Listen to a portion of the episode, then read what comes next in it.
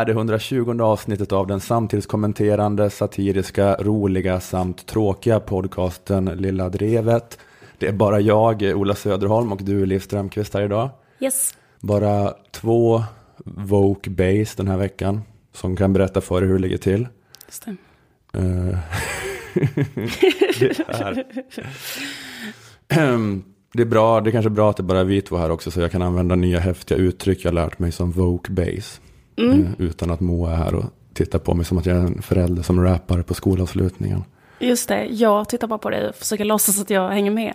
Jag har ingen aning om vad du pratar om. Nej, just det. Och, Vad betyder det? att vara woke, Mm. det betyder typ att man är en sån som eh, kan politik och har, så här, har vettiga värderingar och är så här upplyst. Och, och att man har en analys. Okej. Man behöver inte skrika skaffa dig en analys till en som är woke. För den har Okej. redan en, en analys. Eh, jag har egentligen ingenting. Jag har ingenting just den här Nej, veckan. jag vet, du har sagt det, att du inte har någonting. Du sa nu precis innan vi skulle spela in så här, jag har ingenting. Du har inte Nej, men jo, jag har, jo, jag har en lång, eh, men det är bara som en lång tråkig Wikipedia-artikel som kommer senare. Mm. Som baseras lite grann på eh, en lyssnarinteraktion jag haft. En som har bloggat om ett tidigare avsnitt av Lilla Drevet. Mm. Eh, Så att stay tuned. Men annars har jag ingenting. Det är inte, jag vet inte om det är någonting. Eller jo, det är ju någonting. Men jag vet inte om det har något. Jag har någonting, men jag tror inte att det har något, det jag har. Så så är det den här veckan. Men du kanske kan börja prata lite grann Mm. om eh, ledarskapskonflikten i Liberalerna. Ja, precis. Jag har i alla fall tänkt lite på ledarskapskonflikten i Liberalerna. Som ju var ja, förra veckan typ. Mm. Mellan Birgitta Olsson och eh, Jan Björklund. Kommer du ihåg vilka Liberalerna är? Eh, ja, jag tycker att det är eh, mer och mer sorgligt att de inte heter Folkpartiet. Mhm. När jag tänker på det. Varför? Ja, men för att det var så bra det, vad heter det, adjektivet. Jag kan inte ordklasser med att säga att något är folkpartistiskt. Eller att någon lider av folkpartism. Ja, just det. Eller att du lider av spritt folkpartism. Att du är en sån här, att det, det var så bra sätt att beskriva hur någon kan vara. Att man är en sån som börjar gråta av tanken på att EU är ett så bra fredsbevarande projekt. Just det. Och, eh, sån här, Ja, du, prata om, du brukar prata om det precis. Människor Ja. som lider av eh, svårartad folkpartism. Just det, och det funkar inte alls längre. Det har inte, man kan inte säga liberal ett för allmänt ord. Ja. Så att det var just bara för att uttrycka det där je ne sais quoi som liberalerna, som de heter nu då, har. Alltså Mm. det, det, det, här speciella hysteriska tonläge som de kan Ja, ha ibland. Det var, så, det var så bra att ta till här, äh, du lider av folkpartism. Det var lite det jag var ute efter det här med vad, vad, vilka är Liberalerna eller vad är egentligen deras grej? För det är ju lite så att de är det här lilla, lilla partiet eh, vars grej är att vara supermot eh, Sovjetkommunismen. Deras grej är att verkligen, verkligen så på riktigt sätta ner foten mot Sovjetunionens politiska system. De föll för 25 år sedan. Sen inte tveka en sekund när de säger att det var fucking fel. Och det vill vi absolut inte införa idag i Sverige. Nej, nej, Fy fan för det. just det. De är ett eh, intresseparti för den, eh, de som tycker så. Exakt, precis. De fick ju in det flera gånger här under veckan också. När de skulle prata om att de ville att eh, Socialdemokraterna skulle samarbeta med, eh, eller bjuda in SD till samtal. Så lyckades de säga att Vänsterpartiet är kommunister och det sa Birgitta Olsson också och så vidare. De är väldigt heta på att eh, understryka att, eh, att alltid klumpa in Vänsterpartiet när man pratar om att Sverigedemokraterna har ett, en antidemokratisk bakgrund. Precis. Så partier med antidemokratisk bakgrund som Sverigedemokraterna och Vänsterpartiet, att de alltid så här, Exakt. trycker på det då. Och det är väl också för att få, få in den här starka, starka poängen att Sovjet var fel. Birgitta Olsson fick i alla fall frågan i SVT om den bakomliggande orsaken till den här konflikten med Jan Björklund, om det var att eh, liksom, hon själv har planer, om hon liksom aspirerar på posten som eh, partiledare för Liberalerna. Och då svarade hon så här. Jag, jag, jag, jag lever inte mitt liv eh, enligt liksom sovjetiska femårsplaner så att jag planerar vad jag ska göra inom många år i framtiden. Eh, det gör jag absolut inte. Okej. Det hade varit smygkommunistiskt att planera att man vill bli partiledare. Precis. Hon kan inte säga om hon vill bli partiledare för att hon planerar inte sitt liv flera år framåt i tiden. Så som man gjorde i den sovjetiska ekonomin. Eh, men jag, jag, tycker det är lite anmärkningsvärt att hon är Jag är så mycket emot planekonomi, så det är emot alla former av plan. plan. Det får inte jag finnas gör, planering. Jag gör inte planeringar på, i, i syfte att understryka hur fel det var med planekonomi. Jag tycker det var lite anmärkningsvärt att hon alltså är så mot Sovjetkommunismen så att hon som vägrar göra upp då, eh, citat, flera år långa planer i sitt eget liv. Eh, som en markering mot eh, Sovjetkommunismens ekonomiska system. Men eh, jag, jag bara tyckte det var starkt. För att jag menar, även i en eh, liberal marknadsekonomi, som vi lever i, eh, så planerar man ju ändå vad som ska hända, eller hur, i framtiden. Fem år framåt i tiden och ännu längre. Man säger ju så här, 2020 ska alla gymnasieelever i Sverige, bla bla bla, mm. eller hur? 2030 ska vi ha ny, byggt en ny tunnelbanelinje. Men Birgitta Olsson har alltså en så stark liberal övertygelse att hon inte ens vill planera, göra sådana planer i sitt eget liv. I protest, eh, en personlig livsstilsprotest mm. mot hur Sovjet organiserade sin ekonomi. Mm. Jag vet inte, jag bara tyckte det var starkt. Ja, precis. Hon har aldrig kunnat gå en flerårig utbildning, till exempel på universitetet. För att hon då med sin egen livsstil mm. vill inkarnera de liberala värdena. Inte... Att man inte ska planera sitt liv fem år fram till tiden. Eller minsta lilla. För ja, då blir exakt. det Sovjet. Hon är emot preventivmedel också för att hon vill inte här, planera graviditeter. För att det gjorde man i Sovjet. Planerade. Men jag tycker det är väldigt starkt att dra liksom, parallellen så här, planera. Att man inte skulle kunna planera till exempel att man vill ha ett jobb. Alltså man skulle absolut inte kunna planera att vilja bli partiledare. För att jag eh, planerar gjorde man i Sovjet och då blir det så som det var i Sovjet. Mm. Nej men precis, då förstår man ju att Liberalerna inte kan svara heller på sådana saker. Så här, vad händer, vad vill ni, vem ska vara partiledare? Vad tycker ni i de här frågorna? Mm. De planerar kanske inte på det sättet. Nej. Som en motståndshandling mot kommunism. Skit i det, det var faktiskt inte alls det jag skulle prata om. Jag skulle prata lite grann om den här konflikten i Liberalernas ledning. Eh, det som har hänt är ju då alltså att Birgitta Olsson gick ut offentligt och eh, avvek, sa emot vad Jan Björklund och partiledningen hade sagt. Hon eh, gick ut och uttalade sig mot Liberalernas förslag om att förbjuda nyetablering av religiösa friskolor. Och dessutom gick hon ut på sociala medier och eh, sågade Jan Björklunds utspel om att regeringen borde bjuda in SD till blocköverskridande samtal. Just det. Och detta ledde till att eh, flera personer ur partistyrelsen blev jättearga. Krävde att Birgitta Olsson skulle avgå ur partistyrelsen. Men det ledde också till att många ryckte ut till hennes försvar. Och eh, uttryckte sitt stöd för Birgitta Olsson. Det utbröt lite av en Birgitta Olsson-feber. Mm. Fy fan vad Birgitta Olsson är bra, kände många. Just det.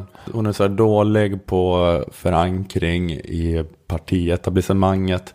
Men hon är bra på att få uppskattande tweets av Jonas Gardell.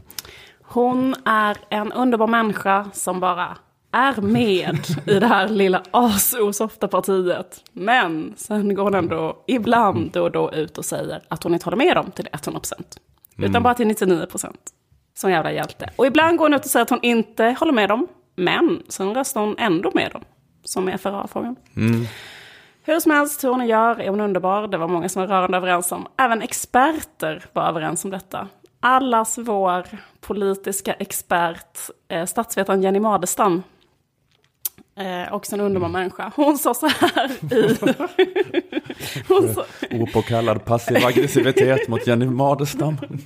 ja, men Jenny Madestam är hon är ju inte... Skitsamma. Hon sa så här i Godmorgon världen. Uh, Birgitta Olsson är ju intressant på det viset. Det var ju också, uh, vi hade ju en, en artikel om det häromdagen av Isabelle Hadley Kamp som beskrev henne som politikens Zlatan. Och jag tycker det är en ganska rolig jämförelse för att hon är, har ju en stjärnglans nästan utan dess like. ja, det kändes lite överdrivet va?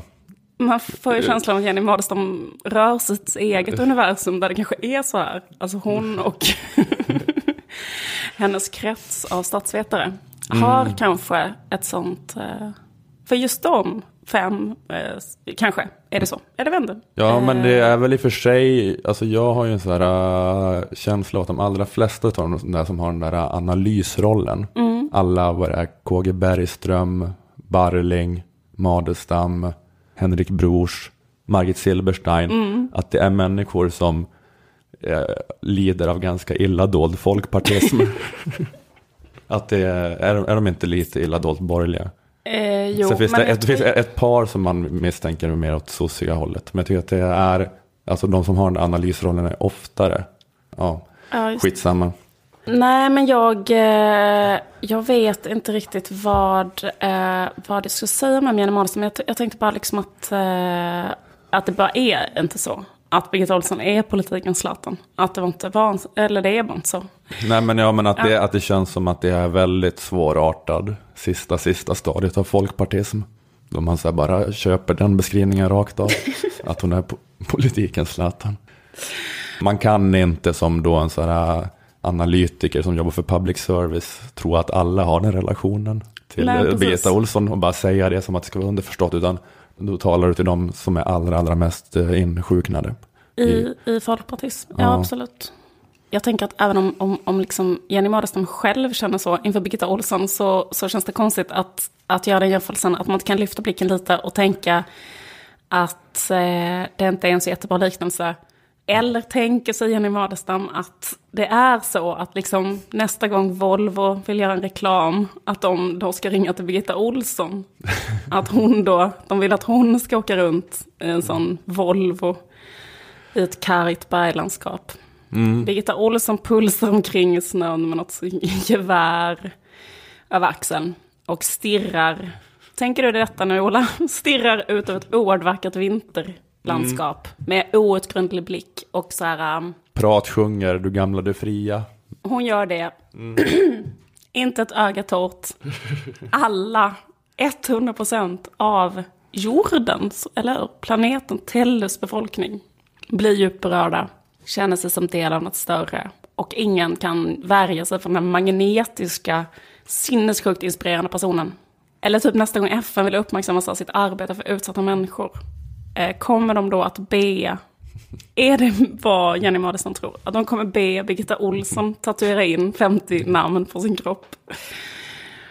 Zlatan tatuerade in namnet på 50 människor som är hungriga och som ingår i det här FNs World Food Program. Kanske lite då på grund av hans egen bakgrund, att han kommer från ett så här fattigt hem som hade det svårt med pengar och så. Men man undrar vad Birgitta Olsson skulle tatuera in då kanske 50 namn på skolentreprenörer som inte fick bygga en filial till sin religiösa friskola. 50 svenskar som vill gå med i NATO, mm. men som inte får sin röst hörd. Det är ett rätt så bra förslag på det sättet att det är ungefär 50 vanliga svenskar som vill gå med i NATO. De skulle kunna gå in i riksdagen, klä av sig, bar överkropp, bikini hade de kunnat ta på sig. Mm. Där står det 50 namn på de 50 vanliga svenskarna som vill gå med i NATO. Just det. Sten, Anders, Precis. Bo. Ja men det är en stark bild. Eller nu, nu, nu när du målar upp det så så förstår jag lite mer vad Madestam menar. Namnet på tjejer som vill ha feminism utan socialism. Fast ändå inte känner sig hemma i Fi. Men den är, lite, den är ju verkligen intressant tycker jag, Birgitta Olssons status, vad den består i. Att, eh, att hon har den här statusen, alltså om vi pratar begreppet woke, så det funnits någon sån allmän känsla då hos eh, vänstern kanske i allmänhet, ja. att Birgitta Olsson är woke. Mm. Och eh, man fattar inte riktigt vad substansen i det är. Jag tänker att det är inte bara det att hon ser ut som en kulturjournalist. Hon ser ut väldigt mycket som Johanna Koljonen. Hon ser ju ut som att hon på 90-talet var med och startade tidningen Darling. Jag tänker ja. att det är det Birgitta Olsson-hypen består i. Att det här måste vara en god liberal. För hon har lite samma stil när det gäller kläder och frisyr och smink som Johanna Koljonen eller Hanna Fahl eller någonting. Man tittar på tv och tänker så här, oj vad Johanna Koljonen har börjat eh, bli tokig i NATO. Jag har sett tidigt minne utav henne att hon, eh, jag såg en på Stockholms universitet kanske 2003 så såg jag en debatt då hon och några andra diskuterade den förestående invasionen av Irak, USAs invasion av Irak. Ja. Eh, Och hon var den enda som var för att USA skulle invadera Irak. Mm. Eh, Och de andra höll på att säga att man får inte köra över FN så här. Det är ett så himla stort brott mot internationell rätt. Att eh, när det gällde Afghanistan, invasionen fanns ett FN-mandat och det var en helt annan sak. Men när USA på eget bevåg tillsammans med Storbritannien går in i Irak så här så fuckar man upp liksom den internationella rätten på ett helt annat sätt. Och jag minns att Birgitta Olsson aldrig förstod vad de menade med det. Hon sa hela tiden så här att ja, det är väl jättebra om man har ett FN-mandat, men om det inte går, då får man ju göra det ändå.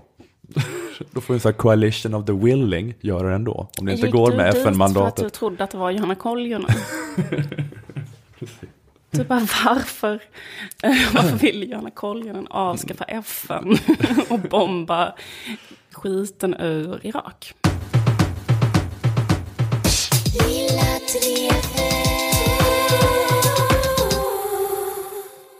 Vi säger tack till våra sponsorer, Akademikernas A-kassa och fackförbundet Jusek.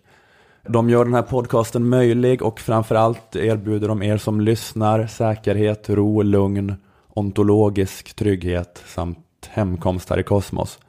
Akademikernas a-kassa kostar bara 100 kronor i månaden och gör att eh, du får en inkomstförsäkring som vid arbetslöshet gör att du kan få 80% av lönen upp till 25 000 kronor.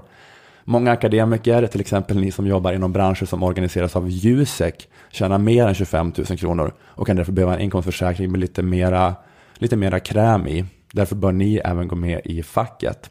Är du med i Jusek får du 80% av lönen upp till 80 000 kronor. Läs mer på jusek.se. På akademikernas.se kan du läsa om hur du gör för att gå med i a-kassan. Där kan du också läsa om varför det kan vara en bra idé att gå med redan när du är student. Eftersom att du kan bli berättigad till en ganska rejäl ersättning bara genom sommarjobbande och extrajobbande.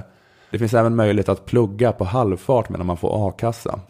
Andra saker du kan göra på akademikernas.se är att eh, ta reda på vilken a-kassa som passar dig. Om det, det kanske inte är akademikernas, eh, om du jobbar i någon annan bransch. Eh, du kan också räkna ut hur stor din a-kasseersättning skulle bli om du blev arbetslös idag.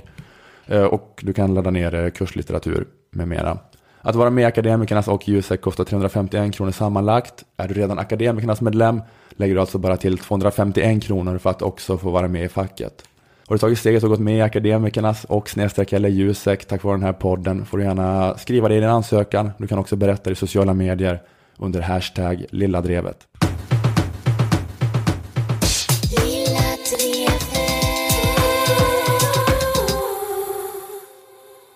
Jag tänkte att jag skulle prata lite nu utifrån den här frågan jag kastade ut i förra, förra avsnittet om eh, materialistiska förklaringar till att galltandskalan är så stor. Till att politisk organisering så mycket sker kring frågor om identitet och livsstil och inte kring då klassisk höger-vänster-ekonomi. Ja, så jag tänkte att vi bara kan ha ett eh, långt tråkigt samtal om, kommer- om teorier här nu. Det kommer bli ashärligt. Jag har nämligen hittat, vad heter det, tänkt ut en teori till dig. Okej, ett svar på den här frågan. Ja. Vad bra. Det är också rätt bra att vi bara har det här långa malande teorisnacket. För det är det du och jag alltid vill egentligen. Men eh, det, det brukar alltid sitta någon ADHD-unge här och stressa oss och tvinga oss att forcera in något skämt. Men nu slipper vi det då. Nu kan vi bara sitta och mala på om galltand eh, och Mm. eh, materialistiska förklaringar. För det är en bloggare som har kommit med ett superambitiöst och intressant svar på frågan jag ställde i förra, förra avsnittet. Eh, Och om vi ska dra en recap då så pratade jag då om gall-tandskalan. Att många människor idag, till exempel många av de som röstar på Sverigedemokraterna, Feministiskt initiativ eh, och även Miljöpartiet inte är speciellt intresserade av den ekonomiska höger-vänster-skalan utan de organiserar sig politiskt mer på den vertikala gall-tandskalan. Antingen som typ Fi och MP och säkert även vissa sossar, liksom, den nya vänstern, eh, så brinner de för gall.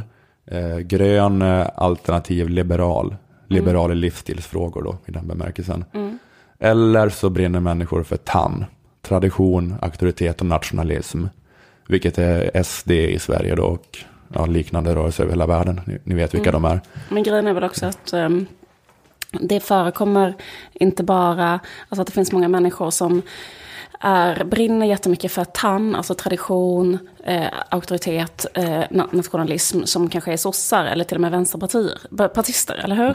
Att det går också tvärpolitiskt och även i väldigt, väldigt mycket människor som är jättehöger brinner för kanske hbtq, eh, livsstil. Så de kan vara väldigt eh, gall Det finns ett Stureplanscenter som är lika höger Exakt, som... Fredrik Federley är supergall till exempel. Fast han är jättehöga ekonomiska frågor men superlibertarian, så bla bla. Och eh, grön alternativ.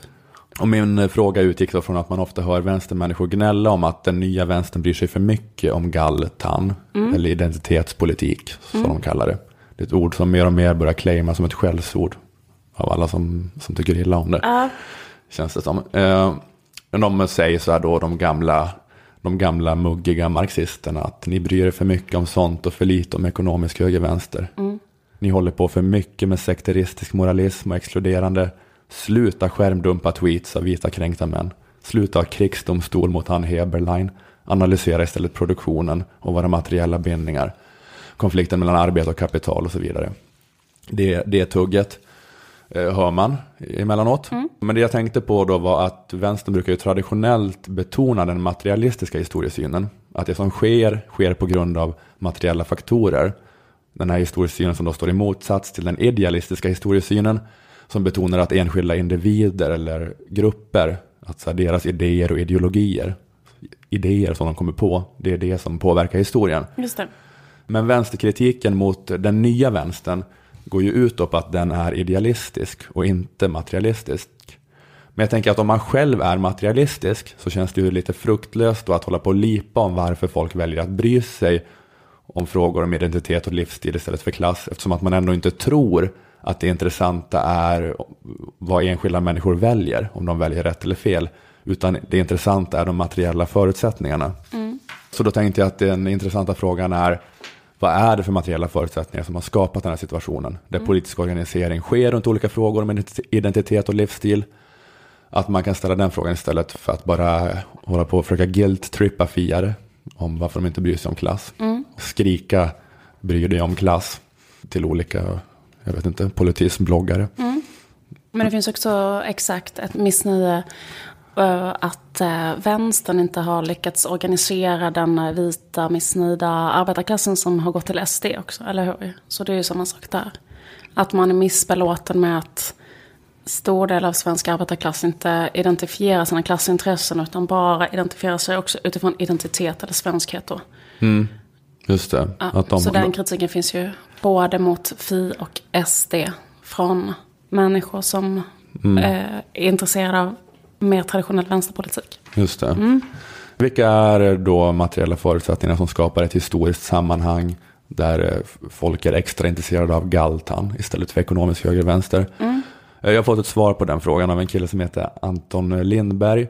Eh, Han har skrivit svaret på sin blogg denpolitikaklassen.wordpress.com. Eh, Han utgår från hypotesen som jag kastade ut till varför galtan är stort. Han skriver citat Söderholm, det är jag, Eh, nämner själv två möjliga relaterade förutsättningar. Ett, ekonomins globalisering och två, att svenska lönearbetare i egenskap av medborgare i en rik och relativt jämlik väststat befinner sig högst upp på den hierarkiskt stratifierade globala arbetsmarknaden. Han föreslår också att dessa förutsättningar står i vägen för att ett klassmedvetande ska uppstå hos svenska väljare, vilket i så fall skulle förklara vår besatthet av galtan på bekostnad av fördelningspolitik. Slutcitat. Så. Fast jag uttryckte det mer så här, eh, eh, så här, så här, eh, eh. Nej, Men- jag tyckte det var ganska intressant det du sa. Du sa ju så här att, eh, vad heter det, så mycket av produktionen sker i andra länder så att vi har inte liksom en mamma som sitter och bygger vår iPhone eh, och eh, har liksom jätteont i armarna på grund av det och eh, vill ta livet av sig för att det är så jävla tråkigt. Utan det är ju en massa andra eh, människors mammor som gör det i Kina. Och därför så, så, så, så bryr vi oss inte om de grejerna liksom. För vi befinner oss liksom alla på något sätt i... Ja, det var ju så Alltså, du vi, menade. vi, har, ja. inte- vi har inte den exploateringen in på bara skinnet. precis. Att det är vi som gör alla våra grejer. Nej. Men sen är det då så att majoriteten av svenskar lever ju inte av att explo- exploatera andra människors arbetskraft i produktionen av varor. Så därför, alltså vi är ju inte exploatörerna, vi har också ett intresse gentemot dem på ett sätt. Men å andra sidan kan man säga att majoriteten av svenskar i handeln med varor tjänar på att andra fattigare staters medborgare exploateras hårdare än vad, än vad vi gör. Precis. Och det vill man inte ändra på kanske. Ja, så därför delar vi ändå ett intresse med exploatörerna av att exploateringen fortgår. För att, ja, för att pengarna en vanlig svenne tjänar på en timme kan hen köpa det en arbetare i Bangladesh producerar på tio timmar. Att det skulle kunna vara en materialistisk förklaring. Att vårt intresse med exploatörerna är större än vårt intresse mot exploatörerna. Mm. Så därför är inte vänsterns kamp i Sverige riktad mot de som kontrollerar produktionen eh, utan mer då fokuserad på galtan. Kapitalismen är bäst och gör oss lyckliga helt enkelt. Kan man säga. Mm. Så vi har gått vidare till nästa steg i behovstrappan. Precis. Det, det är ju en, eh, absolut en hypotes. Att det är så pass bra för oss. Mm. Så att vi inte bryr oss om fördelningspolitik. Att det inte behöver göras mer än så som det är nu för oss. Nej, exakt. Sen så är det ju för sig så att det finns ju liksom människor i, i våra förorter som absolut inte har det gött, även Nej. om de är i den här delen av världen. Och så att tydligt tillhör globaliseringens förlorare och eh, lever i fackade utanförskap. Eller för det, att det var så för eh, hundra år sedan ungefär, att eh, den tidens popvänster om man säger så, den lite mer så akademiska medelklassvänstern, bildade ju en koalition då med, med trasproletariatet och skapade den moderna socialdemokratin och arbetarrörelsen. Men att idag så sker ingen sån koalition alls känns det som. Ja men det här har väl eh, Malcolm Jr pratat om att, eh, att, att, att vår tids vänster mer då bara inne, och, inne på att sitta inne i stan och tycka rätt och vara toleranta och gilla olika. Och att de absolut inte vill ha något att, eh, att göra med någon människa i förorten. Liksom. Ja, Eh, så vi kan fråga sig, man kan ju fråga sig varför det är så. Eller svensk arbetarklass på landsbygden eller något liknande. Mm. Som bor i någon sån avfolkningsort och tycker något vidrigt och använder några sinnessjuka ord. Det pratar i och för sig eh, Slavoj Zizek om eh, att, eh, att det sker ju liksom sådär social protest från förorter emellanåt. Ja. Eh, men att det bara är så helt oorganiserade, oideologiska, spontana utbrott. Typ bilbränder och han pratar om det här London Riots 2011 där de bara stormar eh, stan och börjar plundra. De bara stjäl iPads överallt. Och att eh, det är, att han menar att det är den logiska formen av protest i en tid då alla ideologier förutom konsumismen är döda. Mm. De har ingen möjlighet att göra det som deras, liksom, eh, det, den rådande ideologin kräver av dem. De har inte råd att vara lydiga konsumenter, så får de bara ett utbrott och bara tar grejer. Sen är det väl som att det finns eh, sociala organiseringar i förorten och det finns sådana här brobyggande projekt. Eller hur? Det finns ju alla de här megafonen och Svarta pantrarna och hit och dit. Säkert. Jag skulle aldrig vilja ha något att göra med dem. Jag vill bara sitta inne i stan och vara woke. Men om du säger det så är det så inte kanske. säga att de finns. inte säga att de finns. Så, så sitta och badsplada för en, en tjej för att jag sett ett YouTube-klipp av Zizek. Japp. Det var en sån skön marxist bro. Det är det enda jag vill. Mm. Eh. Fortsätt läsa högt och Antons blogginlägg nu. Just det. Ja, men Anton Lindberg fortsätter sen och skriver att eh, den här distinktionen mellan intressen, intresset mot och med exploatörerna att det aktualiserar två kompletterande klassbegrepp. Dels då det marxistiska klassbegreppet som handlar om arbetsmarknadsposition. Och där är ju inte svenskar i allmänhet överklass såklart. Nej. Men eh, vi pratade då om att vi i konsumtionen tillhör en global överklass. Och det är ett klassbegrepp som enligt Lindberg då hör hemma i Max Webers teori om social stratifiering citat, enligt Weber handlar klass om att ett flertal människor på varu eller arbetsmarknaden rent objektivt delar klassituation, det vill säga ekonomiskt intresse av att kontrollera tillgången till en gemensam reproducerbar vara. Slutcitat. Och om, om de här människorna då blir medvetna om att de delar eh, det här objektivt ekonomiska intresset, om de får ett klassmedvetande så skapar de det Weber kallar en social förslutning. Eh, och det är en formell organisation som gör att eh, medlemmarna försätts i en ekonomiskt gynnsam marknadsposition gentemot icke-medlemmar. Den här sociala förslutningen skapar värde för sina medlemmar men inte genom exploatering av arbetskraft utan genom att försöka kontrollera utbudet och efterfrågan av en resurs som gruppens medlemmar har. Eh, och den här då typen av Max Weberska sociala förslutningar kan identifieras överallt i samhället. Lindberg skriver Eh, I det globala samhället till exempel utgör stater sociala förslutningar. Det är just medborgarskap i olika stater med allt vad detta innebär i termer av skiftande nivåer av arbetsrätt och skattefinansierad välfärd eh, som bestämmer att den svenska arbetaren tillhör den globala överklassen och den bengaliska den globala underklassen. Ett annat exempel på social förslutning är Sveriges läkarförbund som genom påtryckningar på politiker under 1980 och 1990-talen begränsade intaget till läkarlinjen och därmed uppehöll marknadsvärdet på svenska läkares kollektiva resurs, deras arbetskraft. Just det. De eh, har ju eh, en sån social förslutning där de gör att det finns fem läkare i Sverige och de kan åka runt och vara som stafettläkare och tjäna så mycket pengar. Precis, de har identifierat ett uh, gemensamt klassintresse. Ja. Men han skriver vidare då att den sociala förslutningen både föregås och efterföljs av identitetsskapande som är till för att förklara och rättfärdiga den sociala förslutningen. Mm. Eh, och den materiella ojämlikheten som den kan leda till. Ojämlikhet i resurstillgång som den kan innebära. Alltså teorin säger alltså att där det finns en social förslutning finns det identitetsskapande. Citat, det Ola Söderholm i Lilla Drevets 118 avsnitt uppmärksammar är en intensiv konflikt om identitetsfrågor. Till hans uppmärksammande vill jag nu foga påståendet att de som aktivt deltar i identitetskonflikten därmed själva ägnar sig åt identitetsskapande. Att de båda motsatta gall-tandsidorna, vilka hädanefter kommer att refereras till som SD respektive FI-anhängare, mm. han förenklar det så, eh, att de genom ömsesidiga fördömanden pekar ut ett dom och konstituerar ett vi. Eh, om man utgår från att detta påstående är sant uppmanar teorin en att fråga vilken gränsdragning kring vilka ekonomiska resurser uppmärksammad verksamhet tjänar till att förklara och rättfärdiga. Just det, vad är det som uh, den sociala förslutningen, Feministiskt initiativ, vilka materiella värden vill de skydda? Precis, ska man göra en materialistisk analys av vad som driver till exempel FI-människor ska man då enligt uh, Lindberg fråga sig vilka e-, ekonomiska resurser FI-personernas identitetsbyggande syftar till att skydda. Mm. Uh, Lindberg citerar en uppsats som heter The Class Basis of the Cleavage Between the New Left and the Radical Right som konstaterar att människor som är högutbildade och jobbar inom sjukvård, undervisning, socialt arbete och media i stor utsträckning röstar på the new left. Alltså typ fiare. Mm.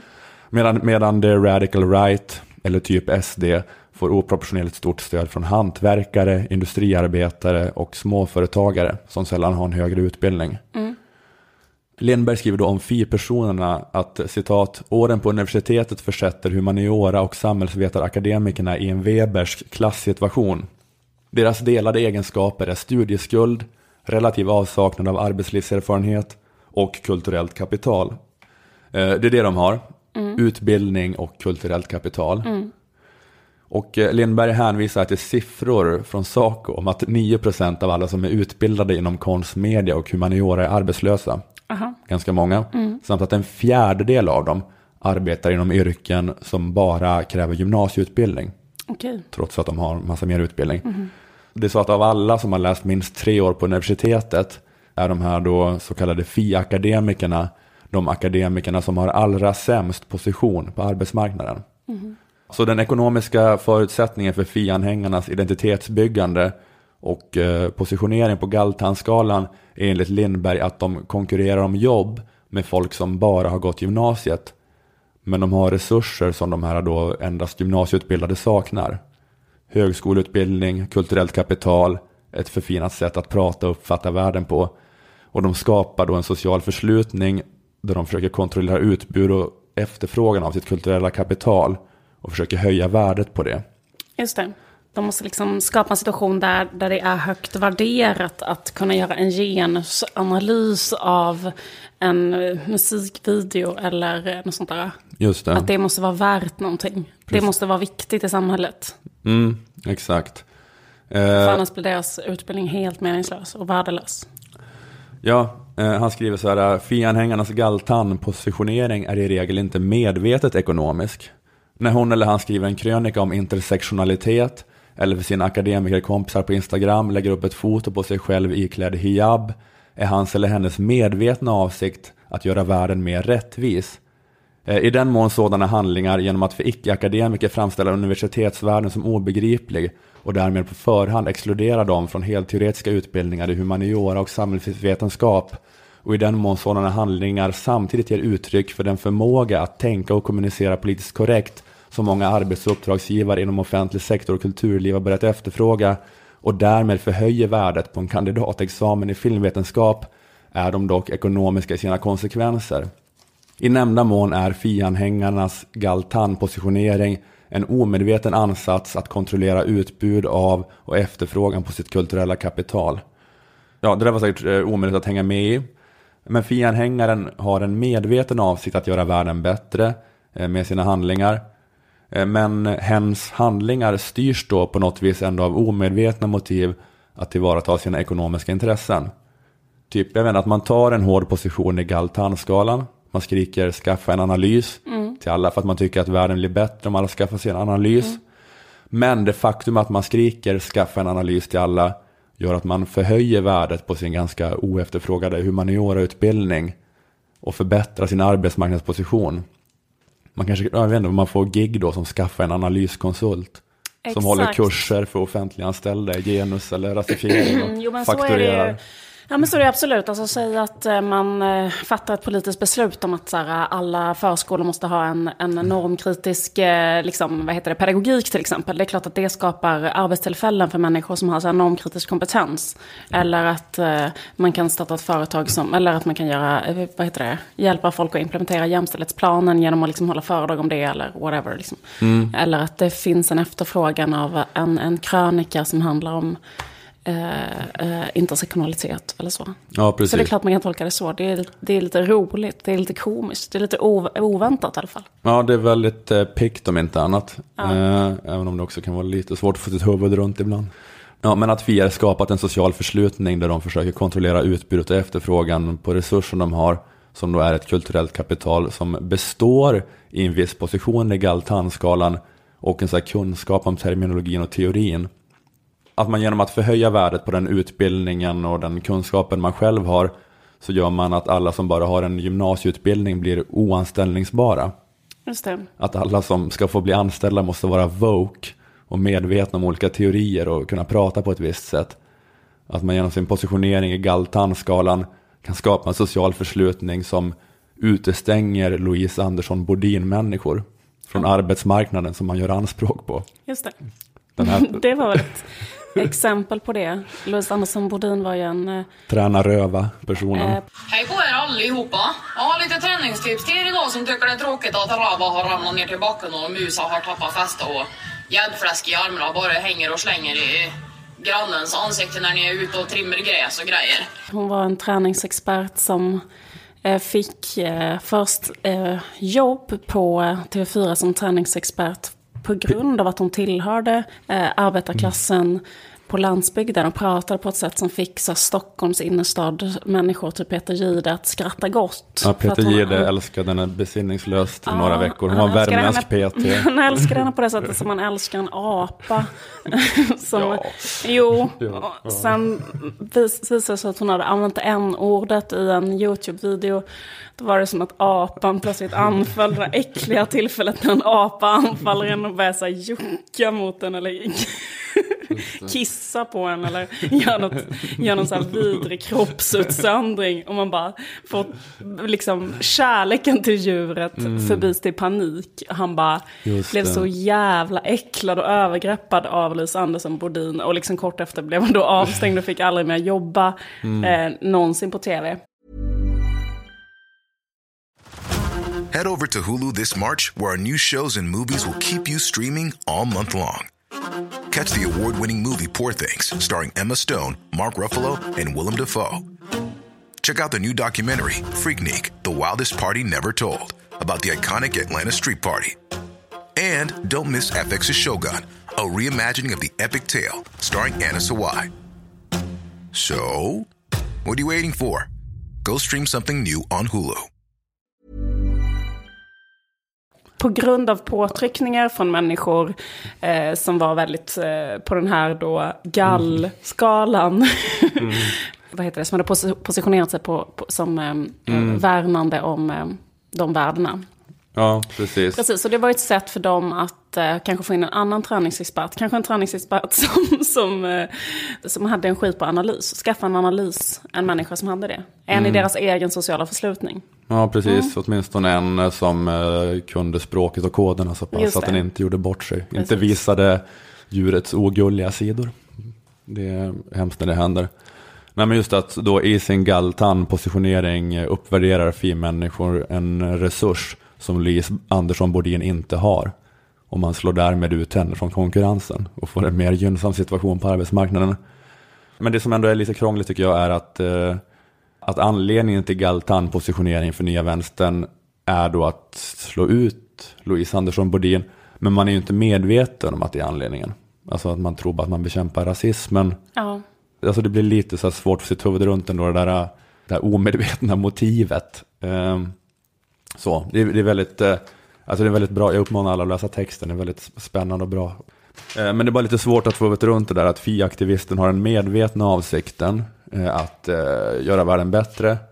Men att FI-aktivistens omedvetna motiv är att tillvarata sina egna materiella intressen som styr hens handlingar att alltid när någon argumenterar för en viss politik så har den motiv den inte är medveten om själv. Att alla ljud den gör med sin mun bara handlar om att skydda och stärka sin sociala förslutningsintressen. Det blir ett väldigt nedvärderande av argument. Förlåt om jag lider av folkpartism nu. Jo, men det är väldigt eh, magstarkt. Men eh, det är också kul och tänka att det är så. Men menar, ibland är det väl jätteuttalat att det är så. Om vi tar feminismen som social rörelse till exempel. Det är klart att det finns ett uttalat motiv, till exempel att jag är feminist, vill skrika, skaffa en analys till människor, skriker det till till exempel Sveriges Radio. Jag vill att det ska vara hälften kvinnor på den här arbetsplatsen. Det mm. innebär ju också att jag kan jobba där, eller mm, mm, mm, Så att jag menar, det är väl självklart att det finns ett materiellt intresse i feminism till exempel, eller ett sånt slags intresse också. Jo, eller så här, ju mer man härjar om att det är viktigt att ha den analysen, ju mer jobb. Ja, det, det, det finns ju vissa sådana väldigt tydliga exempel, men jag bara funderar på hur många de är. Ja. Eh, eller jag, jag, kan säga att man kan tänka sig att eh, motiven för FIAR och liknande ofta är omedvetna. Men att det mer handlar om så här, psykologiska behov än ekonomiska. Att eh, känslan av att få tillhöra en grupp och så vidare. Ja. Å andra sidan blir kanske den här gruppen också då på något lite luddigt sätt ett klassmedvetande. För den bara får en nisch att försvara på arbetsmarknaden. Så det kanske funkar men man så här famlar ju lite efter det. Det är också så här, jag tänker att det är inte som att alla som är inne på FI och the new left eh, arbetar för uppdragsgivare inom offentlig sektor och kulturliv som efterfrågar kulturellt kapital och förmåga att tänka och kommunicera politiskt korrekt. Alltså utan många arbetar väl bara typ som sjuksyrror eller och de borde inte ha något så omedvetet materiellt intresse av sin positionering. Alltså så många politism-bloggare finns det ju inte. Nej, eller? Det så många bloggar. arbetstillfällen. det finns ju mycket sådana bloggar. Med alla socionomer. Typ bland socionomer, är det inte jättestort ja, med nya vänstern. Socionomerna kanske vill, eh, intresserade av att upprätthålla sin sociala förslutning för att de ska kunna när de löneförhandlar så kan de eh, säga att de har en hbtq-kompetens eller de startar ett eget företag och vad heter det, åker runt och informerar människor om rasism eller sådär. Mm. Och det kanske är. Nej, jag tror faktiskt inte att det är så. Jag tror, eller det kanske är lite så, men, men, eh, men eh, jag tror jättemycket på den där grejen att folk gör saker för att de vill ha kompisar. Jag tror det är en mm. superstark mänsklig drivkraft. Mm. Um, jag tror bara det är därför man liksom det är så hur man väljer, vad man tycker om allting och så. Men eh, fortsätt. Mm. Men i alla fall, den materialistiska förklaringen till att nya vänstern bara bryr sig om Galtan är enligt Lindberg, som jag har förstått det, typ att det är människor i en eh, ganska tuff situation på arbetsmarknaden med en liknande utbildningsbakgrund som utvecklar ett klassmedvetande och skapar en social förslutning i syfte att förhöja värdet av att ha skrivit en uppsats i genus på Södertörn. Mm.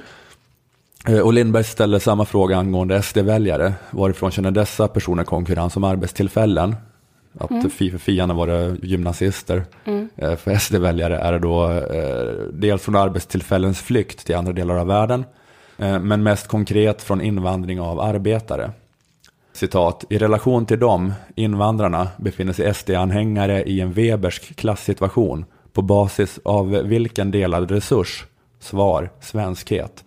I relation till invandrade arbetare är svenskhet för SD-anhängaren kulturellt kapital på samma sätt som det akademiska politiskt korrekta uppfattningstänke och talsättet är för FI-anhängaren i relation till SD-anhängaren. Genom att i Galtan-frågor bland annat göra snävare definitioner av svenskhet än de gängse liberala. Genom att säga det räcker inte med medborgarskap. Riktig svensk är bara den som också äter julskinka och åker på husvagnssemester. Och anmärka att mångkultur är en dålig idé. Söker SD-anhängaren dels påverka politiker att stänga stadsgränserna. Det vill säga begränsa utbudet av svenska arbetare. Och dels öka efterfrågan på sitt kulturella kapital. Slutcitat. Just det. Även om man menar att det är samma här och då att, eh, att SDNs medvetna avsikt när den tar ställning i Galtan är att bevara den svenska kulturen. Att den bara brinner för det. Det. Men att det finns omedvetna motiv som egentligen förklarar deras ställningstagande med att det handlar eh, om ett klassintresse av att försvara sin ställning på arbetsmarknaden.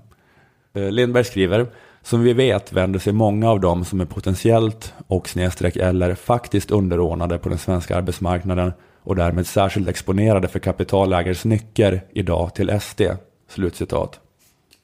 Det finns ju så här um, att man säger sådär om den här uh, förlorade arbetarklassen och de här uh, stackars vita männen och så vidare. Att mm. det ska förklara hela den här nya då ytterhögern över hela världen. Men ett problem med, med den här tesen att globaliseringsförlorare röstar på SD och Trump och Le Pen och Brexit mm. och så vidare är att den inte riktigt stämmer. Att den stämmer inte så mycket i alla fall. Eh, jag läste en lång artikel i Vox, eh, en amerikansk vänster, vänster med amerikanska mått, en tidning som drivs av Ersa Klein. Men de hade ett eh, långt reportage om de här rörelserna. Eh, och den här artikeln gick igenom forskningen. Eh, och det som förenar ytterhögerväljare på båda sidor om Atlanten är inte oro över ekonomin. Utan det som förenar dem är negativa attityder gentemot förändring. Och de förenas av auktoritära åsikter, xenofoba åsikter, homofoba, rasistiska åsikter. Mm. Det är inte att de, att de liksom eh, har det dåligt och har låg lön och, och känner osäkerhet inför framtiden, utan det är bara att de är rasister. Ja, exakt. Det är, eh, det, det, är inte, det är inte så att det finns noll korrelation mellan den här ekonomiska oron och det. Men alltså den här eh, kulturella ångesten är mycket, mycket starkare, visar forskning. Ja, men så har jag forskningsrapport på forskningsrapport. Absolut, alltså, så tycker man ju att så känner man ju starkt när det gäller så här, Norge och Danmark och så till exempel. Jag menar, mm. så här, de har inte alls haft det så dåligt som har eh, kunnat ursäkta deras eh, inställning i eh, invandringsfrågan. Tvärtom har de haft det svinbra. Det är också faktiskt eh, att man har sett väldigt mycket moderater har ju gått till SD. Och det är också människor mm. med, eh, med väldigt god ekonomi faktiskt som har börjat rösta på dem. Så att... Ja, precis. Att vänstern vill ju så oerhört gärna att det ska vara så att folk stör sig på invandring för att a-kassan är för låg. Men forskningen visar då att folk stör sig på invandringen för att de stör sig på invandringen. Och också typ att folk, ehm, alltså folk som bor i jätte jättevälmående, väldigt rika kommuner har ju varit så här mycket att de inte har velat ta emot några invandrare alls. I Skåne har vi ju mm. exemplet Vellinge kommun till exempel. Där, mm. där det bor människor som har det otroligt bra. Mm. Men de vill inte ta emot ett enda ensamkommande flyktingbarn. Mm. Just ja men det är så att, ja men det är, det är mest det som de här forskningsrapporterna visat att eh, med attitydundersökningar och så att, att har man en negativ attityd gentemot invandrare så är man lika trolig att rösta på Trump oavsett om man är negativt eller positivt inställd till sin ekonomiska framtid. Ja, så det handlar liksom med, ja, det handlar inte om att de stör sig på invandrare för att det går åt helvete med deras ekonomi och de behöver någon att skylla på, utan de stör sig på invandrare för att de har så här åsikter om att de inte gillar mångkultur. De vill leva i ett land där alla människor har samma sedvänjor och traditioner. Sådana människor som anser att det är ett problem att snart kommer vita vara i minoritet i USA och så vidare. Eh, Harvard-forskare gjorde en gigantisk genomgång av svar i attitydundersökningar bland europeiska väljare. Och den visade att det starkaste stödet för de här partierna kommer inte från de mest lågavlönade knegarna. Utan det kommer från the, the petty bourgeoisie. Typ småborgare. Ja, ja, ja. Men det är så här, eh, småföretagare. Kanske familjeföretag. Egenföretagande rörmokare. Folk som har en affär. Mm. Alltså bara sådana helsingborgare. Mm. Mm. Lågt. Stämmer med fördomarna tycker jag. Jag, jag, jag har bara en sån bild i mitt huvud att när någon säger the petty bourgeoisie. Jag tänker, är, är Helsingborg epicentrum i Sverige för the petty bourgeoisie? Jag har inte så mycket på fötterna. Jag har bara fått sån känsla av Helsingborg att det är den här kombinationen av lågt kulturellt kapital men rätt gött med ekonomiskt kapital. Att säga egenföretagarpappan, du vet, som man kanske var hemma hos någon gång när man var liten. Eller för du, du är uppvuxen i Skåne så Ja, kanske visst. alla pappor var så. Alla var så. Men Att jag, där jag växte upp var ju alla sådana sossepappan som lussade runt i träningsoverall. Men så var så en, en av ens kompisar hade den där egenföretagarpappan som försökte ha lite så här stekig guldkantstämning mitt i sossesovstan. De hade så här vattensäng och glassmaskin, skinnsoffa, Ja, just porslinsfigurer. Pool kanske. Ja, stora så här, studiotagna familjefoton på väggen. Man såg en så här bild på sin kompis då han var tre år gammal och poserade med fluga och käpp. Sån. En- Sån helsingborgarpappa. Eller så en Barbie från varje år. Kommer jag ihåg att jag hade en kompis som hade, som hade en egenföretagarpappa. Undersökningar själv vet. En Barbie-docka. Alltså från 1973 till 1985. Eller något sånt där. Just det. Och trädgårdskonst kanske. Absolut. Prydnader. En marmorfontän. En gnom som pissar en sjöjungfru i ansiktet. Nej, inte, så. inte min. Nej men en äh, jättestor guldsprayad eh, naken relief av en naken kvinna. Mm. Med otroligt mycket könshår. Detta är någonting jag minns från en, eh, alltså en Okej. gipsrelief som liksom trycker sig ut från en, från en vägg. Guldmålad. Okej. Erotisk konst alltså. På eh, toaletten. Till exempel hade småföretagare, Okej. småföretagare i Skåne. Man var i alla fall hemma hos den kompisens. Mm. pappa ibland. Man hade inte byggt en vanlig bastu. Man hade en deluxe ångbastu med relaxavdelning. Kanske drömde om att installera en jacuzzi. Pappan, han hade sidenpyjamas, var solbränd. Och så hade någon slags guldlänk runt handleden. Sånt som aldrig eh, sossepappan i träningsoverall skulle haft. Eh, mm, det är min fantasi om the petty bourgeoisie. Ja, Eh, eller mina minnen av den. Mm. Eh, inget fel i det. Nej, det är inget fel med det. Men många av dem röstar då på SD och liknande. Tydligen. Inget vidrigt klasshat.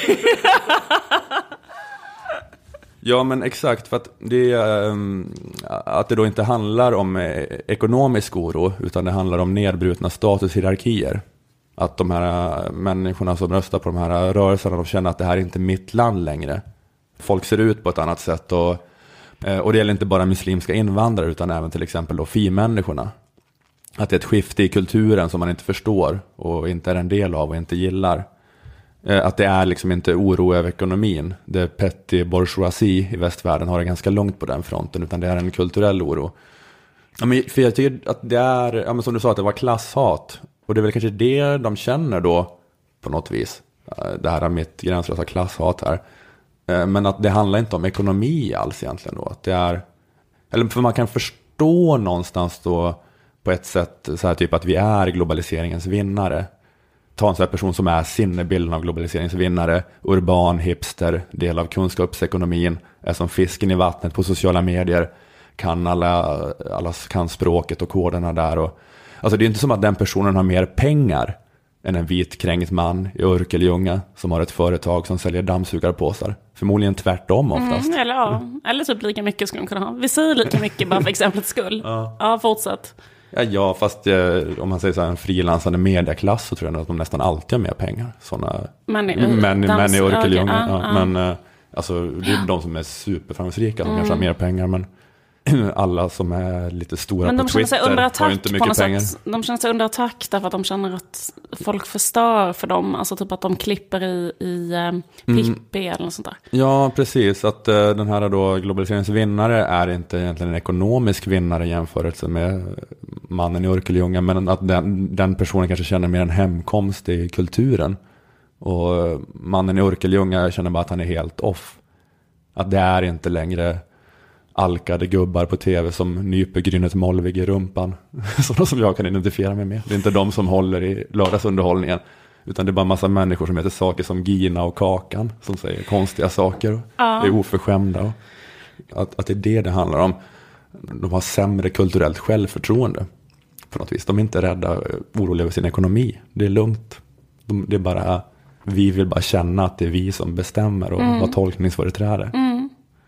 Ja, det, det, spelar en viss roll med ekonomin, särskilt om man är arbetslös. Eh, fanns det ett visst samband då, eh, att man blir mer benägen att rösta på sådana rörelser. Men att studie efter studie visar att ekonomin spelar mindre roll än oro över ras och kultur. Eh, det står så här i Vox-artikeln att eh, forskningen tyder på att eh, av de två största förändringarna i västvärlden de senaste 50 åren, de två förändringarna är dels växande ekonomisk ojämlikhet, men det är också en utveckling mot eh, mångkultur. Ja. Eh, och att eh, den ekonomiska ojämlikheten spelar en betydligt mindre roll än utvecklingen mot mångkultur när det gäller att förklara det, det växande stödet för SD-partier. Uh eh, -huh. Och Vox skriver att många människor i västvärldens kulturelit finner den här förklaringen förbluffande.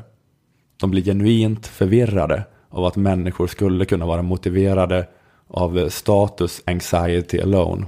Att, att de bara skulle kunna oroa sig för sin status i kulturen. Och därför försöker man finna djupare förklaringar. Som att man då egentligen drivs av ekonomiska intressen och en snack om att bevara svensk kultur och, och hetsa mot muslimer är egentligen då bara läten man omedvetet drivs till att göra med sin mun för att man behöver skydda sin sociala förslutning och sitt klassintresse. Man vill förstå dem eh, som röstar på ytterhöger med att de är oroliga för ekonomin, att det beror på att a-kassan är för låg, men det finns nog ingen sån bra förklaring enligt den här Vox-artikeln utan eh, de har bara en, eh, här, jag vet inte, ett själviskt rage över att de inte känner att det är deras land längre. De tycker att den gamla statsordningen aldrig borde ha ifrågasatts av feminister och invandrare, MR-aktivister och kulturmarxister. Eller så är de osjälviska. De tror att den gamla ordningen var bättre för alla kanske. Ja, det. Kanske en utilitaristisk eh, syn på det. Eh, Vox eh, skriver så här, citat. Sanningen är ibland obekväm Kulturella attityder är inte alltid orsakade av något på ett omedelbart eller uppenbart sätt. Eh, för att förklara hur det kom sig att människor började tro på rasistiska och xenofobiska statushierarkier måste man förklara hundratals år av västvärldens historia och den komplicerade historien om hur ras och nationell identitet skapades i väst. Som ett resultat av den här historien värderar många människor sin kultur och sin identitet lika mycket som de värderar sin ekonomiska trygghet. När de ser att deras vision om hur världen borde fungera är hotad ser de det som ett personligt hot. De är rasister för att ras och hierarki och gruppidentitet har kommit att spela en väsentlig roll i hur människor förstår världen. Att förneka det är att förneka att både identitet och det förflutna har betydelse. Det är att anta att allt går att reducera till någon slags materiell eller ekonomisk orsak. Historien har visat på ett odiskutabelt sätt att det är ett misstag. Slutcitat. Och det är en annan syn på det här då. Ja, går inte att förklara Galtan materialistiskt. Men det är också då i och för sig till materialismens försvar att man kan fundera på hur lätt det är att dra en skarp gräns mellan kulturell status och ekonomisk status. Att eh, man liksom brinner för en eh, kulturell ordning och en kulturell homogenitet när man själv har en självklar plats. Och att det då delvis bara handlar om eh, sentimentala känslor och att man vill ha en känsla av tillhörighet. Men i oron över att det ska försvinna, den här ordningen, så finns ju också oron för att man känner att den kulturella ordningen och sammanhållningen är grunden för ens eget och ens samhälles materiella välstånd. Kanske då. Alltså, det är svårt att veta vart det ena börjar och andra slutar. Med eh, kulturell ångest och ekonomisk ångest. Ja, ja det här var en eh, lång skrattfest. Vill du eh, dra? Vi har ett, så här, ett personligt samtal med uh, han Anton Lindberg. Hela podden handlar bara om... Mm, vi har precis, vi har snä, snävat in vår målgrupp nu till en bloggare. Nej, men jag eh, tog det här på allvar, det du frågade då för, var det för, förra avsnittet? Jag tror att det var förra. Var förra, förra, eller jag frågade det igen förra. Ah, okay. mm, att jag ville ha svar med... på det, påminde om det förra. Just det. Materialistiska svar på varför människor i vår tid börjar bry sig om jättemycket frågor som handlar om värderingar och livsstil och identitet snarare än ekonomi. Mm. En sak som jag tänkte på det är så här att de här grejerna gröna, alternativa, libertarianska livsstilsklustret, det som vi kan kalla för FI. Och det var för att man enkelt ska komma ihåg det. Och sen det andra, eh, mm. eh, traditionalistiska, auktoritära, nationalistiska. Skillnaden från liksom hur det har varit innan då, ifall man har delat, liksom tänkt politiskt utifrån en höger-vänster-skala, det är ju att det som har hänt med Galtan är ju att det har liksom blivit, skett en glidning till att det politiska engagemanget eller det som får en att brinna för någonting politiskt eh, handlar om liksom vem jag är. Ett ökat intresse för mm. vem just jag är. Alltså identiteten, jaget, att liksom uppvärdera mitt eget jag, alltså att det, det är vem jag är mm. som är början till mitt engagemang. När det handlar om nationalism eller SD så är det ju identiteten, jag är svensk till exempel. Och det går ut på att uppvärdera mitt jag, min identitet som svensk. Att det ska ha högre status än andra eh, mm. nationaliteter, eller hur? Även gall handlar ju om vem jag är, identitet, eller hur? Jag är en kvinna till exempel eller jag är rasifierad, jag är en transperson. Jag, eller jag är en person som bryr mig om de här grupperna. Men så här, min identitet, jag kräver status eller bekräftelse eller uppskattning utifrån vem jag är. Mm. Mm. Och det är ju en förskjutning som är mer och mer narcissistisk. Alltså det är en, en, en förskjutning mot narcissism, för att använda en psykologisk term. Mm. Och narcissismen är någonting som ökar i samhället överhuvudtaget. Mm. Det är superdokumenterat eh, att narcissismvinden, eh, liksom att hela samhället blir mer och mer... Det, det, är, inte bara en känsla, det är dokumenterat också. Det är superdokumenterat. Det mm. finns liksom massa undersökningar, framförallt i USA, där man har mätt så självöverskattning till exempel i olika generationer. Så här, mm. Hur bra man tror att man är i skolan och sådär. Mm. Nu är det så här, typ två tredjedelar av alla amerikanska studenter tror att de är över medel. Mm. Man har också sett så här, mätt förekomsten av ord som så här, unik och exceptionell och sett att de, de orden har ökat i liksom all text som skrivs till exempel. Mm. Ett annat tecken som man ser som ett tecken på att narcissismen har ökat generellt i hela samhället det är eh, att an andelen människor som ger sina barn speciella namn har ökat mm. väldigt mycket. Alltså innan så hette ju alla barn kanske fem olika namn. De hette så här Jenny, Malin, Johan eller Andreas kanske. Var det för att man inte kunde googla på vilka som var de vanligaste namnen just nu? Nej, det handlar om att alla människor idag liksom är gripna av en gränslös narcissism och, och är så här mitt unika, speciella stjärnbarn mm. ska heta stjärnbarn Strömqvist. Mm. För att det är unikt i kosmos, det är speciellt och så vidare. Ja, ja, det, ja, det känns väl så att eh, dygden att man bara vill vara som alla andra håller på att försvinna.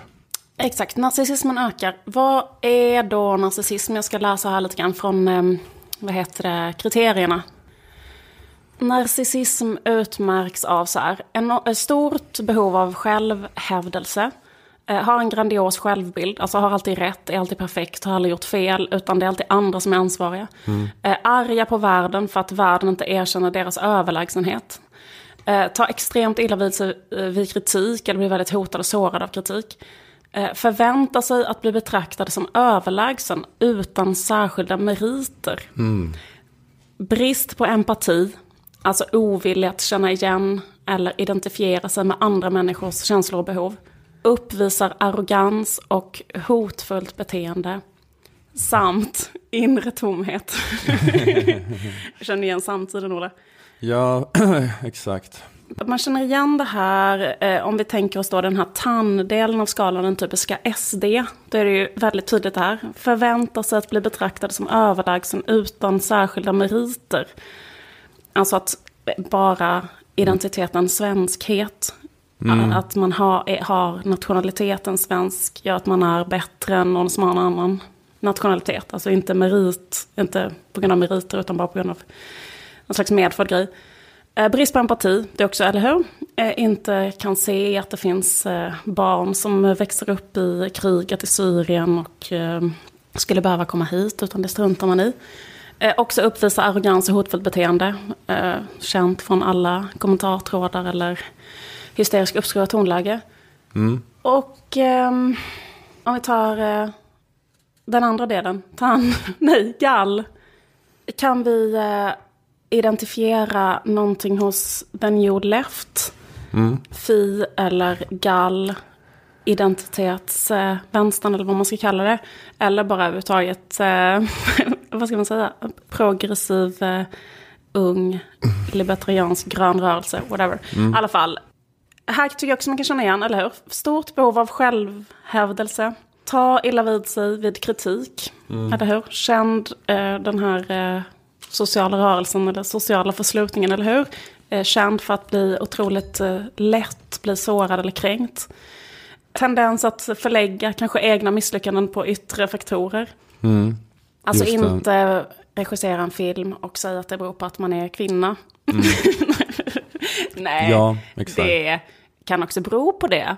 Men Mm. man förlägger, alltså det är ju det som, du snackar alltid om detta, att eh, man sociologiserar. Om man håller på med sociologism, Exakt. attribuerar alla sina misslyckanden till samhället. Exakt. Ja. Man kan säga att man skriver en krönika som handlar om att man går in på en klubb, till exempel en ståuppklubb och känner sig helt, eh, vad heter det, avskuren från alla och inte förstår någonting och känner sig inte välkommen och så här. Det skulle också kunna handla om en, en, en psykologiskt, eh, ett, eller menar, det skulle kunna bero på att man är bara känner sig väck, men man skulle också kunna då attribuera det till eh, sociala strukturer, att det beror på att jag tillhör en grupp och jag är exkluderad och bla bla bla. Ja, just Och det. det kan bero på det, men det kan, skulle, man skulle också kunna säga att det du hade kunnat uppleva exakt som om det var en vit man och du kom dit och ingen ville snacka med dig. Och, Ja, exakt. Och du inte fattade skämten och du kände dig utanför och så. Mm, mm, just det. Eh, en sak man skulle kunna, som utmärker eh, narcissistiska drag, det är ju att man lider brist på empati. Och då skulle man kunna säga att det utmärker inte den här eh, gruppen. Därför att eh, the new left är ju, eh, så att säga, säger sig ju ha empati med otroligt mycket utsatta grupper, funktionsvarierade, muslimer, eh, alla de här grupperna, eller hur? Men jag skulle vilja säga att empatin ofta sker så här via ett filter av självhävdelse. Men de skiter ju i Fadime och sånt. De tycker ju att hon förtjänar att, dö- förtjänar att dödas för att hon är islamofob. Nej men även om man, även, eh, alltså att, att, att, ehm, att empatin är en väg till självhävdelse. Och det är mycket möjligt att empatin inte hade skett ifall det inte också fanns en möjlighet till självhävdelse. Alltså vi skulle kunna säga exempelvis eh, hijab-upproret. Eh, det handlar om att ta en selfie och eh, ha på sig en hijab till stöd för muslimska kvinnor. Men då kanske, vad ska man säga, att eh, man skulle kunna säga då att, eh, att moroten här är eh, självhävdelsen, identitetskonstruktionen av att vara en, eh, en solidarisk person eh, och man är också kanske snygg på sin selfie och eh, mm får det som narcissisten vill ha, nämligen bekräftelse, självhävdelse. Och om man skulle vara solidarisk mot muslimer utan att ta en selfie, utan att det involverade på något sätt att ta en selfie.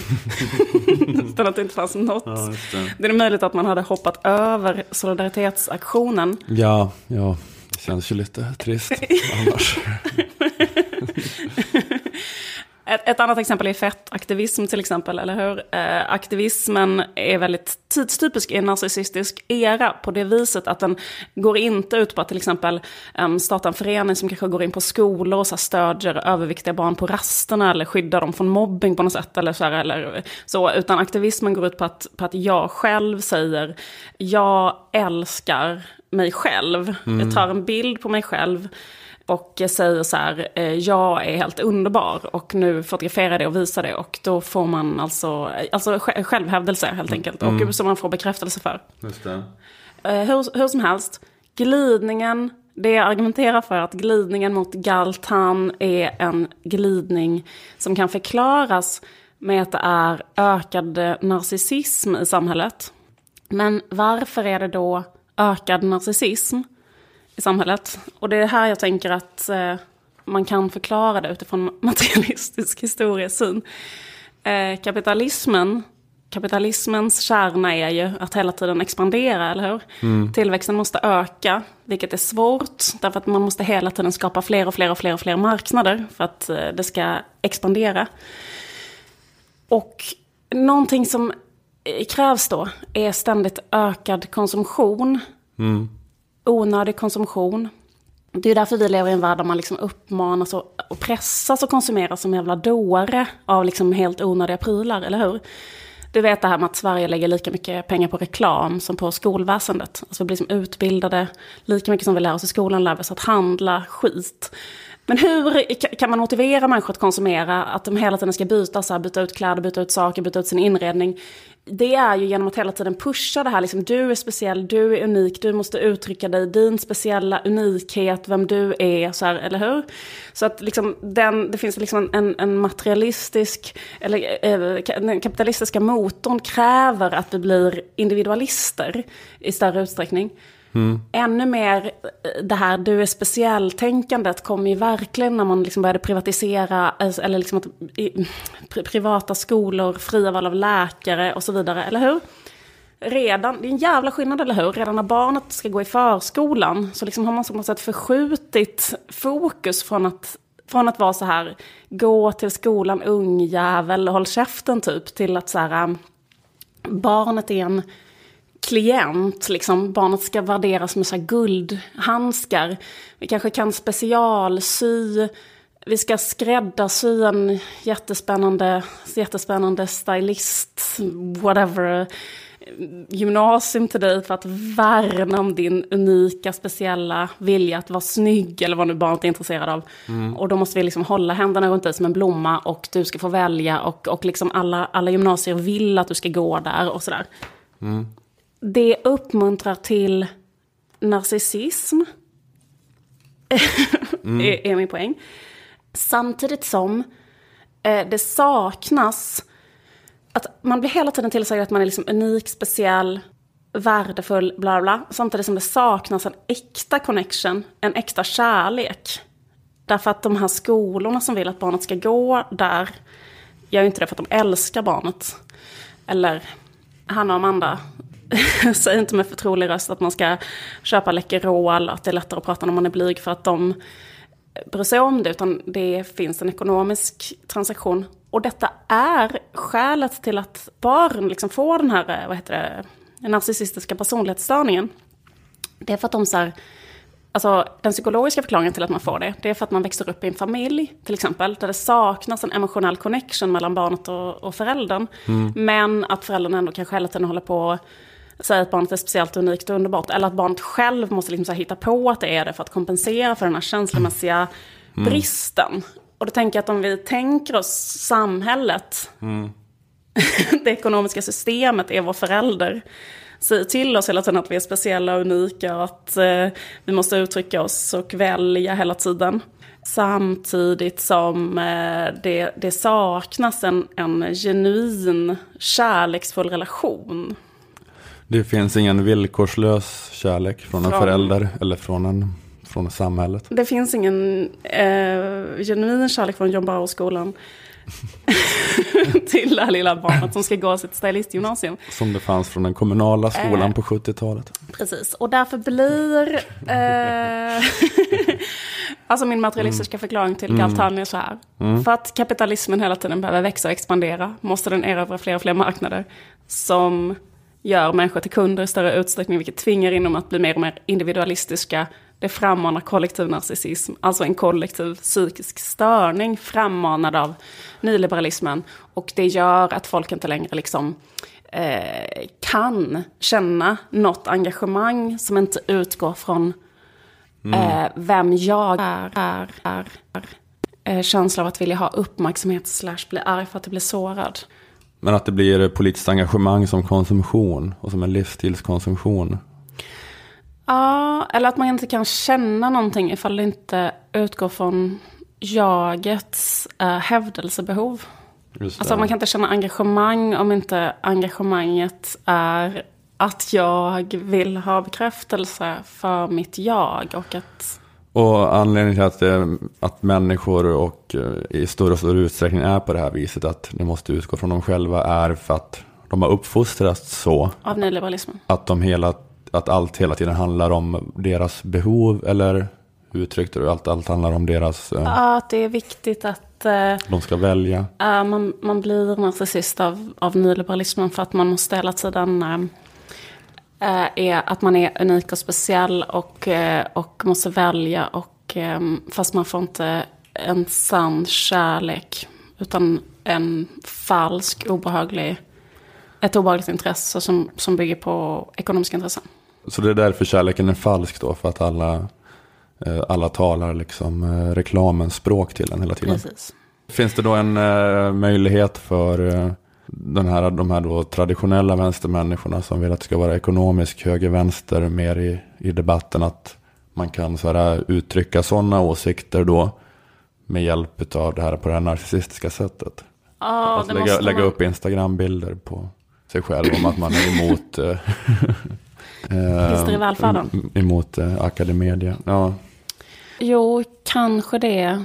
Men eh, det är kanske mindre troligt att, man kommer att, att någon kommer känna att de brinner för frågan. Mm.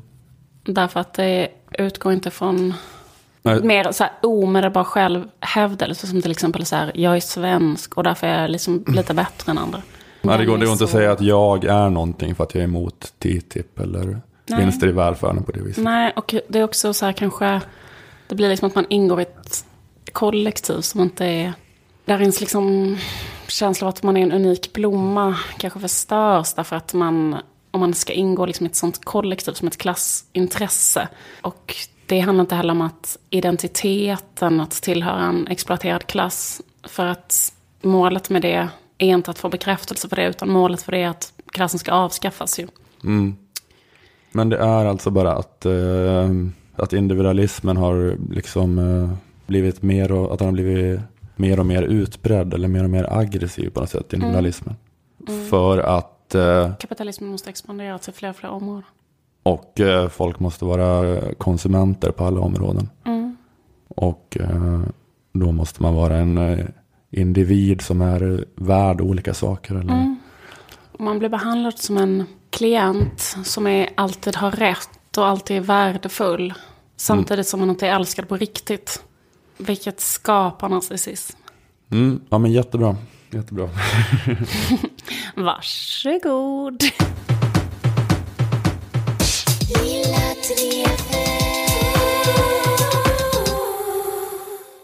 Okej, jag, ehm, jag vet inte ifall någon är kvar fortfarande, men det var allt för veckans lilla drevet. Jag, eh, så, nej, men det var jätte, jätte, på riktigt jätteintressant, din teori här, eh, som du la fram. Eh, men eh, det här var, eh, ja, jag vet inte vad vi ska säga. Vi säger att jag heter Ola Söderholm, du heter Liv Strömqvist. Tack till Aftonbladet Kultur, tack till Akademikernas A-kassa och fackförbundet Jusek. Vi hörs igen om en vecka. Ha det bra. Hej.